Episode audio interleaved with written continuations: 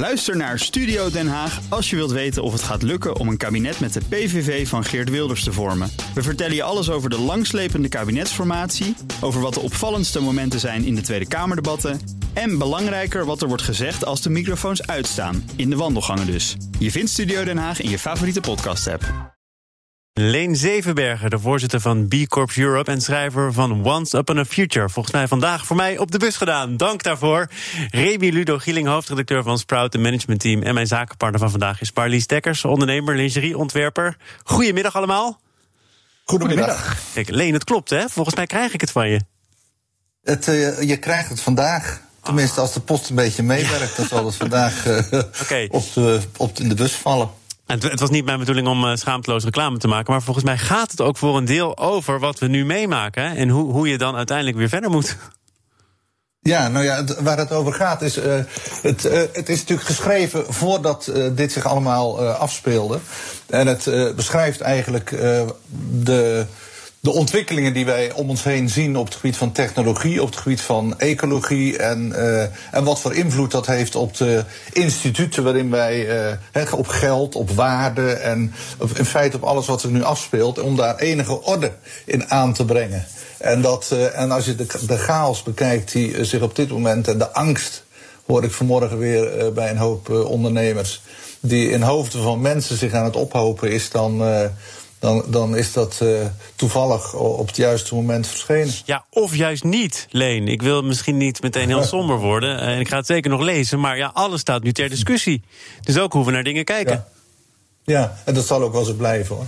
Denk ik ook, als de coronacrisis voorbij is, dan denk ik dat we daar moeten wennen.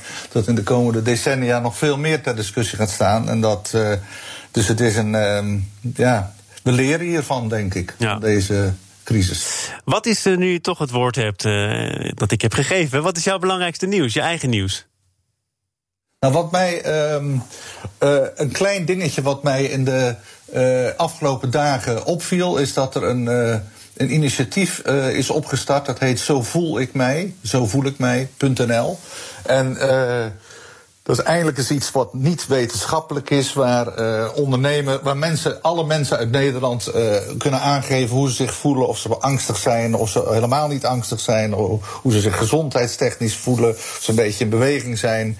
En uh, zodat je kunt kijken hoe jouw buurt op een kaart om je heen, hoe mensen ja, omgaan met de spanningen en de crisis van dit moment. En dat is een, ja, is dat nieuws of niet? Ik vond dat eigenlijk een heel leuk initiatief, omdat dat mensen energie geeft. En het, uh, het hoeft niet allemaal zo zwaar en dramatisch Wat heb jij ingevuld dan bij Zo voel ik mij? Ik voel me eigenlijk uh, prima. En, en ik ben ook optimistisch. Ik heb geen zorgen over de coronacrisis over het algemeen. Maar, Leen, ik zit nu te kijken naar die kaart hè, van, van Zo voel ik mij. Allemaal groene stippen. De mensen voelen zich uitstekend. Dat is toch ook ja, sociaal wenselijk, Waarschijnlijk hebben alleen... De, ja, ik denk dat de mensen die zich nu... Ik zit er ook naar te kijken even. Ik denk dat de mensen die zich nu hebben...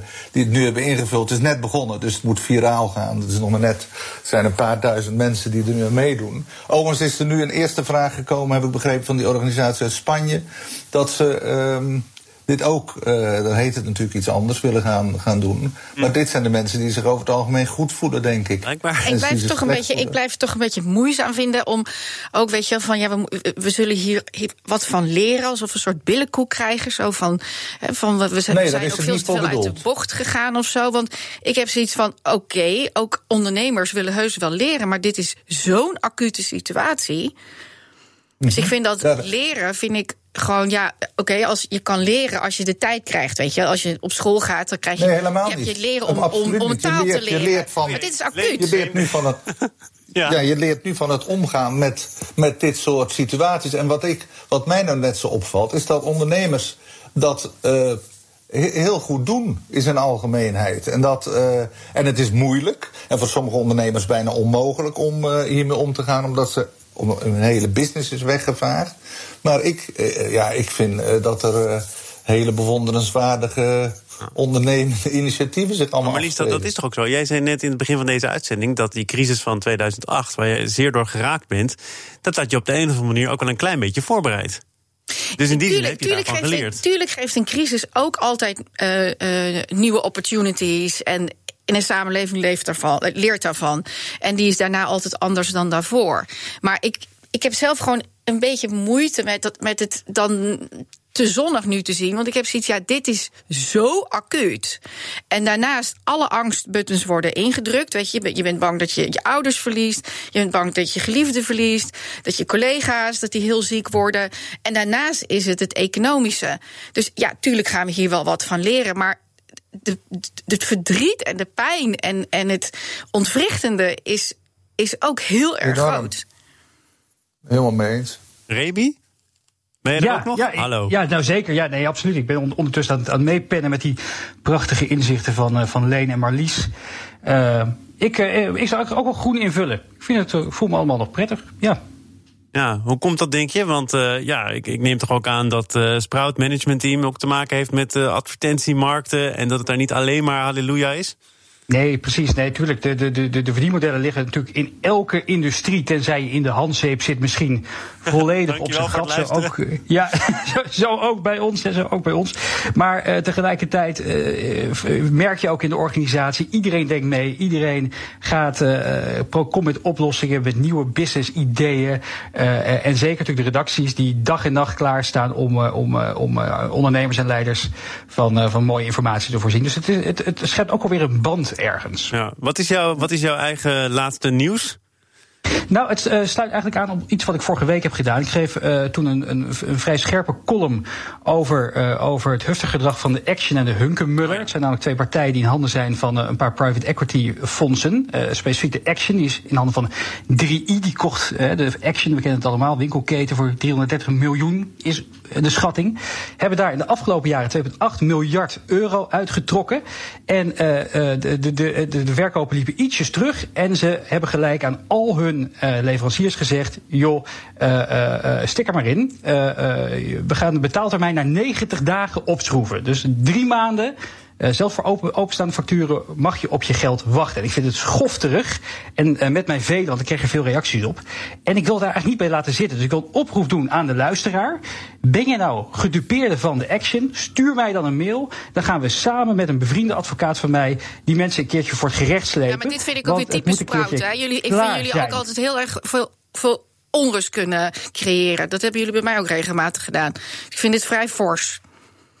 Ja, goed, dat, eh, dat was natuurlijk ook een keertje. Je hebt, je hebt, ons een keer voor het gerecht gesleept, hè, Marlies? Nou, ik, ik bedoel, jullie zijn ook niet altijd even vriendelijk naar ondernemers. Zijn ook niet altijd even objectief in ieder geval. Oh jee, dit, dit wist ik niet. Ja, volgens, volgens mij wel. Uh, uh, maar ja, als, als, als er dingen worden geschreven die jij niet leuk vindt. En je schrijft, nee, daar gaat het helemaal niet over. Ik klopt het. Jawel. Nou, het klopt ik, ik weet bij heel veel dingen dat heel veel dingen echt niet klopten. Dus ik bedoel, als dit klopt, dan is het inderdaad niet oké. Okay. Maar de grotere discussie is. terug zelfs? Ja, maar dit vind ik dan gelijk zo'n taalgebruik. Dat. Nou ja, maar dit, het, het klopt wel, want het is ook, het is ook per Action uh, wel bevestigd uh, dat ze dit hebben gedaan. Ook omdat ze zeggen, wij kijken naar het grotere geheel. Er zijn heel veel winkels van ons, die zijn niet open. De distributiecentra liggen stil. Dus zeggen zij, wij moeten dit doen. Uh, Remy, ja, daar, daar kun jij je niet in verplaatsen. Nee, kijk, als je uh, als, als groot aandeelhouder de eerst uh, alle vruchten plukt van de opgaande economie en 2,8 miljard euro, dat is ontzettend veel geld uitkeert uh, uh, aan jezelf en vervolgens je belangrijkste zakenpartners die het echt nodig hebben op dit moment zo hard laat vallen, hm. dan mag je ook een keertje uh, je, mag je ook een keer ter verantwoording worden geroepen. Nou, ik vind het grote onderliggende issue is nu in hoeverre gaan equity-partijen de bedrijven redden. dus dat is natuurlijk het, het grotere verhaal. Want ze hebben Oké, er zijn er ook eh, een aantal die, die bedrijven leeg hebben getrokken. Maar nu moeten bedrijven aan het infuus bij de bank en bij equity-partijen. Ja, heb je daar vertrouwen in? Want die rol van equity-partijen. Dus dat is natuurlijk nu de grotere vraag. En dat vind ik ook meer voor het ondernemerspanel: van wat gaat daar gebeuren? Want het spelletje wat je altijd ziet, is dat ze naar elkaar gaan zitten kijken. Ja, en dan is het te laat, nou, omdat het zo acuut is. ik denk dat het, ja, ik denk dat het, uh, het is natuurlijk in het belang van. Uh, van aandeelhouders om een bedrijf voor te laten bestaan.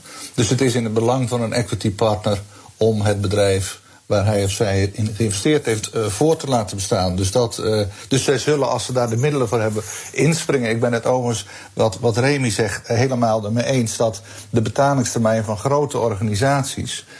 In het belang van het MKB eerder verlaagd moet worden...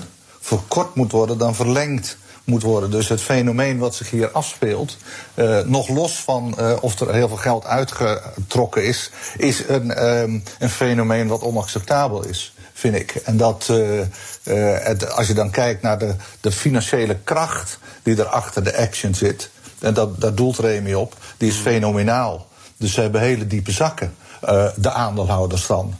En dus het geld wat ze eruit gehaald hebben, ja, dat kan ook voor een deel weer terug. Of in ieder geval kunnen ze dit soort acties uh, afremmen. En, dat, en die vraag is niet alleen door Remy gesteld, maar dat is een discussie die, zeker als je het over het MKB hebt, heel, heel opportun is nu.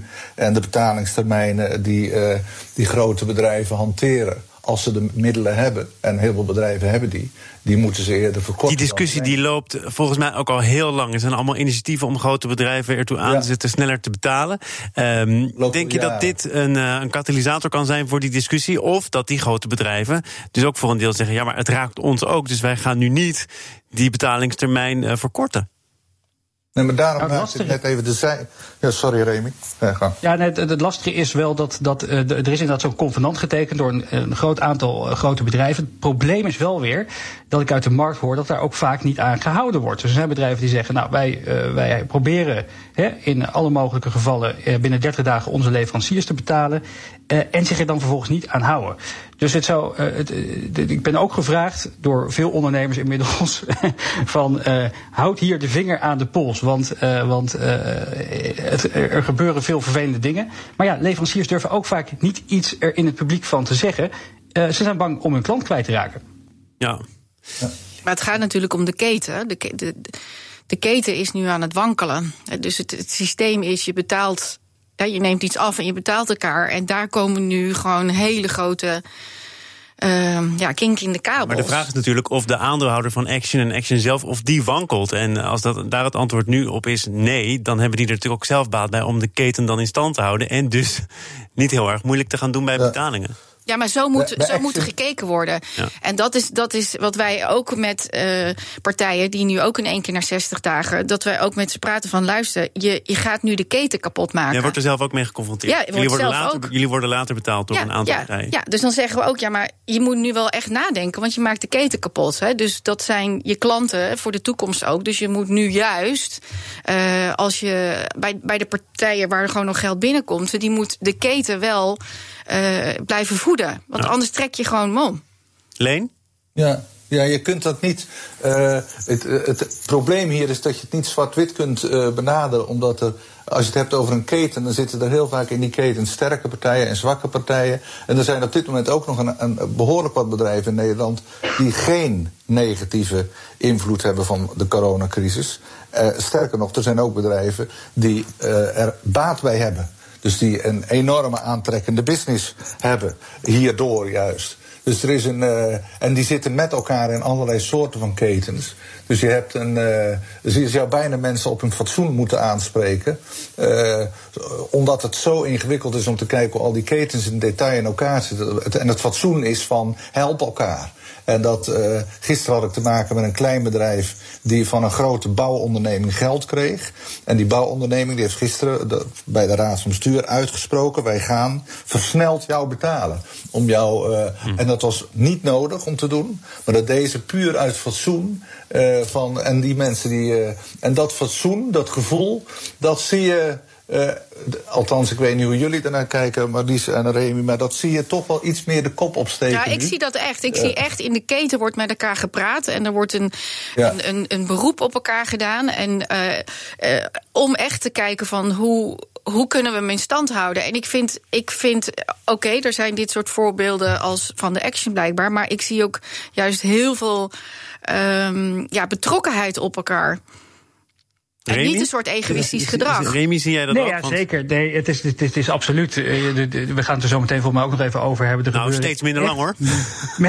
steeds minder lang. Maar met die crisis, er gebeuren echt fantastische dingen. Ondernemers die elkaar aan het helpen zijn, belangeloos. en helaas zijn er altijd een paar zure appels. En die mag je daarop aanspreken. Ja. Ik, ik wil even naar, naar wat Marlies eerder in dit programma ook zei. Sommige bedrijven, sommige ondernemers, sommige CEO's... die schieten in een kramp. Misschien ook wel omdat er af en toe somber nieuws naar buiten komt. Gisteren kwam het Centraal Planbureau met scenario's. Uh, wat er ook gebeurt, er komt een recessie aan. Kan een milde recessie zijn, kan een zeer diepe recessie zijn. En er zijn critici die zeggen: als je nog zo weinig kunt zeggen over het verloop van het virus en de maatregelen die getroffen worden, dan, dan moet je dat eigenlijk niet naar buiten brengen. Want dit gaat ervoor zorgen dat mensen de, de, de hand op de knip houden. Uh, nog eerder gaan verkrampen dan ze al van plan waren. Uh, Leen, snap je dat? Of vind je het juist goed dat het CPB nu een soort van richtsnoer geeft? Ja, het maakt, brengt mij in ieder geval niet in de war. Dus ik kan niet namens, ik weet niet precies wat. Ik had hier nog helemaal niet aan gedacht aan wat je nu zegt. Dus het is een, uh, ze mogen best wel wat uh, scenario's volgens Als je zegt de economie gaat krimpen met 7,7 procent, dan kan ik me voorstellen dat sommige bedrijven die het nu al lastig hebben, denken van oei. Ja, ja, nou ja, daar, daar overheen ligt nog op een groot macroniveau de discussie: uh, zijn wij in de wereld erbij gebaat dat we altijd alleen maar groei hebben? Met z'n allen. Hebben we daar wel voldoende middelen voor? Dus je krijgt een. Uh, maar dat is een discussie die nu bijna niet opportun is, omdat mensen nu uh, veel meer aan overleven en overlevingsmodus zitten in heel veel ondernemingen. Uh, maar ik vind dat dit. ik kan, het kan geen kwaad om een om een paar scenario's te schetsen. Maar ik denk dat het nog zo vroeg is. Want weet je, twee maanden geleden, of twee weken of drie weken geleden. Uh, ik las er vanmorgen nog over. Toen werd er nog aangegeven dat wij ook door het CPB dat wij in Nederland zouden gaan groeien. En, dat, uh, en, en, dat er en in januari werd er nog een, een, een groei verwacht in China. Twee weken later, eerste kwartaal, een, een recessie van, of een krimp van 9%. Dus je hebt een. Uh, ja, dus er zitten er er is heel weinig op dit moment over te zeggen, denk ik. Dus in die zin zou je kunnen voorstellen van hou dan even je mond. Ja, Rebi, hoe kijk jij ernaar? Nou, ik denk dat het goed is om, uh, uh, zeker in tijden van, van, van, van onzekerheid, radicaal openhartig te zijn met elkaar. We moeten duidelijk zijn in uh, waar we staan. want alleen dan kan je ook goede plannen maken voor de toekomst. Dus ik denk zelfs bij zo'n vervelend bericht van hè, tussen de uh, min 1,2 en min 7,7. Wat, wat, wat het planbureau in vier uh, mogelijke scenario's had, uh, had, had omschreven. Is het heel goed om dat tijdig naar buiten te brengen. Want kunnen we er ook met z'n allen rekening mee houden. En er zijn mensen op uh, belangrijke posities, zoals Klaas Knot, die vandaag nog heeft gezegd: de uitgangspositie van Nederland is meer dan behoorlijk. Als er de goede maatregelen getroffen worden, dan zou het kunnen dat het ons iets minder hard gaat raken dan nu het geval is. En het kabinet neemt de juiste maatregelen. Maar Lies, we hebben er al een paar besproken, ook met Heijmans onder andere. Worden die maatregelen op, op de goede manier en met het juiste tempo genomen nu? Nou ja, in ieder geval, we leven in een van de rijkste landen. Dat, dat is natuurlijk wel iets wat we ons moeten realiseren. Ik vind de overheid heel ruimhartig. Uh, ik ben trots ook op uh, dat ik in Nederland woon. Even dat wel gezegd hebbende. Maar ja, weet je, we, we, kennen allemaal, um, ook als bedrijf, als je iets zo snel moet beslissen, moet implementeren. en het gaat om zo'n grote hoeveelheid. Ja, wie kan dat? En dat is natuurlijk wat de zorg is bij iedereen: van ja, ik komt dit op tijd? En um, ja, dat, dat is wel iets waar ik buikpijn ja, over heb. Corona coronacratie. Ik moet nog even wennen aan dat woord. Uh, dat uh, werd uh, gebezigd door Wieberen van Haga, die we hier kort over spraken. Omdat er bijvoorbeeld ook allerlei voorwaarden en provisies gelden voor bedrijven die bij de bank aankloppen met een garantiestelling van de overheid. Die moeten dan wel geld betalen, premie betalen. Leen, ehm, dreigt dat toch te gebeuren? Een soort bureaucratie rondom maatregelen om bedrijven in leven te houden? Nou ja, weet je, dat, de, de angst die, uh, die Marlies net uh, zei, uh, aangaf, vind ik, die heb ik ook wel. ik heb met heel veel bedrijven te maken. Ik heb zelf ook een paar bedrijven. En die hebben allemaal aanvragen voor werktijdverkorting ingediend. En die hebben allemaal steun aangevraagd. En, dat, en daar hebben ze nog niks op teruggehoord. Dus dat, dat zit in een of andere machine. Nee, ze, ze, kennen, ze kennen de voorwaarden nog niet. Hè? Dus, ook, dus ze zitten allemaal nog te wachten tot het zeg maar, allemaal nog goed uitgeschreven is. Dus daar zitten we nog maar. Ja, maar de aanvragen ga je wel doen, maar. Dus, uh, dus die aanvragen ja, ja. zijn wel degelijk die bij, zijn bij, bij de tienduizenden. En, dat, en dat propt zich samen in een systeem. En, daar is mijn, daar, uh, en omdat dat niet verwerkt kan worden. Daar is dat systeem natuurlijk helemaal niet op, uh, op, uh, op, op ingesteld. Gaat het vertragen en gaat het ook tot allerlei uh, rare effecten leiden. En, maar ik ben wel ja, de, over, de, de intenties uh, die, zijn, uh, die zijn uitgesproken door de overheid. En de snelheid waarmee die intenties zijn uitgesproken, daar ben ik ook al heel erg over te spreken. Uh, en dat, maar de uitvoering, daar hou ik net zo als mijn hand ook voor, of mijn hart ook voor vast. Ja. Of, dat, of dat systeem niet. ja, als je dus kijkt naar die, die werktijdverkorting, dan, dan ja. die werktijdverkorting was volgens mij vorig jaar een regeling waar 3000 bedrijven gebruik van hebben gemaakt, of iets minder zelfs. En dat gaat nu natuurlijk al richting de ja, hij heeft nu de nauwregeling. Hè? Ja, dus hij heeft nu de nauwregeling waar de voorwaarden ook nog niet helemaal van bekend precies, zijn. Precies, waar de voorwaarden nog niet helemaal van bekend zijn. En het is, ja, ik doe april moet, moet het weer betaald gaan worden. Dus dat is. Uh, ja. Dat, en, en ik doe ook, de overheid werkt thuis. Dus die, die, die, die zitten ook, zeg maar, van hoe moeten ze dit zo snel voor elkaar krijgen?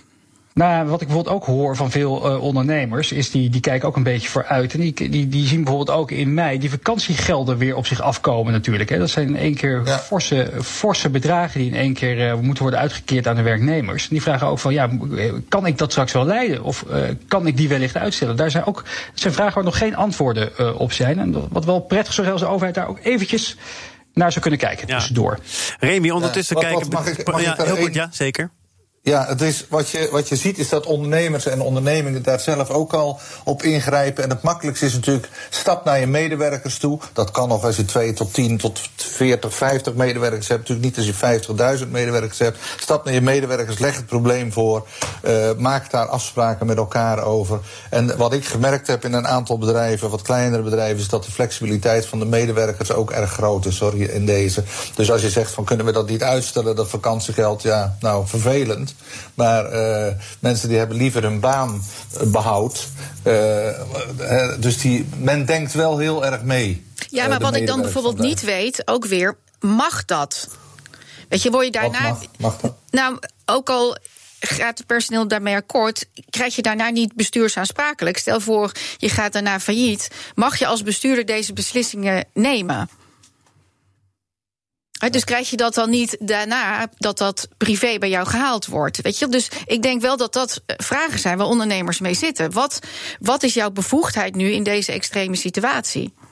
We moeten BNR Juridische Zaken weer in leven gaan roepen. Nou, daar wordt, uh, as we speak, volgens mij druk aan gewerkt en over nagedacht. Uh, er wordt in ieder geval ook over dat vakantiegeld gesproken tussen de sociale partners. En of dat dan voor alle bedrijven geldt, dat weet ik niet. Maar uh, zowel bij VNO-NCW als bij FNV is dit volgens mij een serieuze optie om in ieder geval tijdelijk mogelijk te maken. Remy, ik wil misschien als het kan hartverwarmend afsluiten met, met ondernemers die elkaar te hulp schieten. Heb jij voorbeelden gezien waarvan je denkt, ja, dat verdient wat aandacht? Nou, een paar prachtige. Eentje waarvan ik echt dacht van nou hier komen zeg maar echt uh, meerdere ondernemers bij elkaar. Uh, er is een bedrijf dat heet uh, Redje Pakketje. Die doen normaal iets in de bezorging of retourneren van pakketjes. Sam Roon die ondernemer. En die zag dat in Nederland al die telers met grote overschotten bloemen zaten. Die waren onverkoopbaar. En hij heeft in een, in een nacht lang doorge, doorgewerkt om redjeboeketje.nl in de markt te zetten. Dan kan je voor 15 piek kan je een eenzame oudere een boeketje bloemen toesturen. En uh, dan heeft de teler heeft een beetje geld. Die hoeft die bloemen niet door de shredder te gooien ouderen hebben, hebben een, een leuke, uh, leuke attentie. En allemaal ondernemers zijn, die, zijn, uh, zijn Sam gaan helpen. Dus je ziet de CM-groep, die uh, laatst in de beurs is gegaan, die heeft, hebben een sms-dienst in het leven geroepen. Dat je ook per sms boeketjes kan bestellen. En nou, dat is, ik, ik, ik vond het echt een, een, een prachtig initiatief van, van volledig belangeloos je inzetten voor, voor, voor de maatschappij. Ik vind het ook een geweldig initiatief, maar ik wil toch even iets zeggen. Mijn ouders hebben dat ook gekregen. En ik vannacht zwetend werd ik wakker, want ik dacht, stel voor dat diegene die het heeft gebracht toch dat virus aan zijn handen had. Maar ouders hebben dat bloemetje aangepakt. En die hebben dus, zijn misschien nu geïnfecteerd, weet je wel. Dus het is momenteel zo moeilijk. Wanneer doe je het goed? Ja. Ik denk vooral veel zeepje in huis halen. Veel zeepje. goed, zijn we weer terug. Altijd een goed idee. Ja, um, Leen Zevenbergen, voorzitter van B Corps Europe, schrijver van het boek Once Upon a Future. Remy Ludo Gieling, hoofdredacteur van Sprout, management team. En ook beste vrienden met Marlies Dekkers, ondernemer en lingerieontwerper. Fijn dat je mijn zakenpartner was. Kunnen jullie het eigenlijk onderling een beetje met elkaar vinden? Ik met jou, zeker? Nee, jij met Remy en Sprout. Oh, ik moet nu weg. Jij moet nu weg. Nee, jullie, jullie komen er wel uit samen. Um, fijn dat jullie er waren. Fijn dat jullie dit ondernemerspanel wilden vormen. Morgen dan is er geen BNR Zaken doen. Maandag wel weer. Um, wie ik kan gaan spreken. Het is voor mij ook nog een verrassing. Ik zal het hele weekend op blijven hopen dat uh, ooit uh, te weten. Uh, zometeen eerst Newsroom. Dat is onze dagelijkse podcast van het FD en BNR. Veel plezier daarmee. Tot maandag.